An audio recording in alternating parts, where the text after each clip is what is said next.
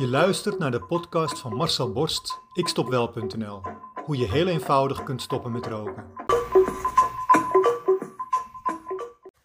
We maken even een uitstapje naar de Verenigde Staten. Je weet wel, die Verenigde Staten die nu tot op het bot verdeeld zijn. Republikeinen tegenover de Democraten. Rechts tegenover links. Trump die nog steeds roept dat zijn herverkiezing is gestolen en de vele wappies die alles geloven wat ze lezen op het internet.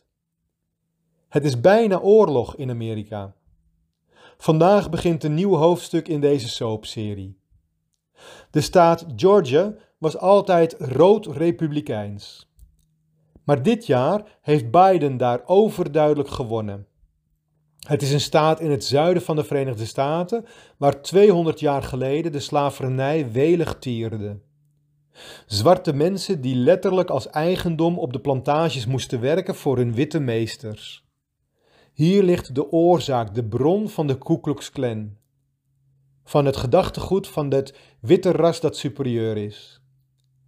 Maar dit jaar is het anders. De zwarte bevolking heeft gekozen. De witte bevolking, die klaar waren met het gepiep van Trump ook. Gevolg? De Democraten wonnen. Georgia is een blauwe staat geworden. De Republikeinen, die pikken dat niet en zijn nu bezig met nieuwe wetgeving, met maar één doel: de zwarte kiezer tegenwerken, zodat Georgia weer republikeins zal stemmen. Stemmen per post worden nu ingeperkt en het aantal stembussen wordt drastisch verminderd. Vooral in de zwarte wijken uiteraard. Zodat de zwarte menemens ver moet reizen om te stemmen. Zodat ze thuis blijven. Schaamteloos racistisch noemt een zwarte dominee deze nieuwe wetgeving, die hem verbiedt om op zondag zijn hele zwarte kerkgemeenschap mee te nemen in een mars naar een stemhokje. Op zondag stemmen mag namelijk niet meer.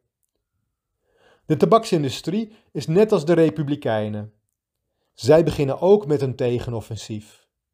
De Democraten zitten veel te veel op maatregelen voor een goede volksgezondheid.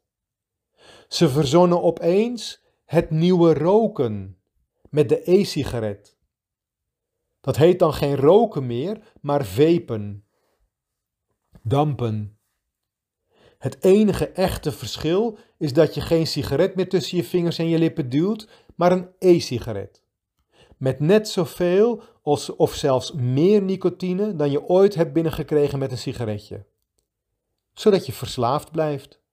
Of nog meer verslaafd wordt. Zodat zij nog meer geld aan jouw misère verdienen.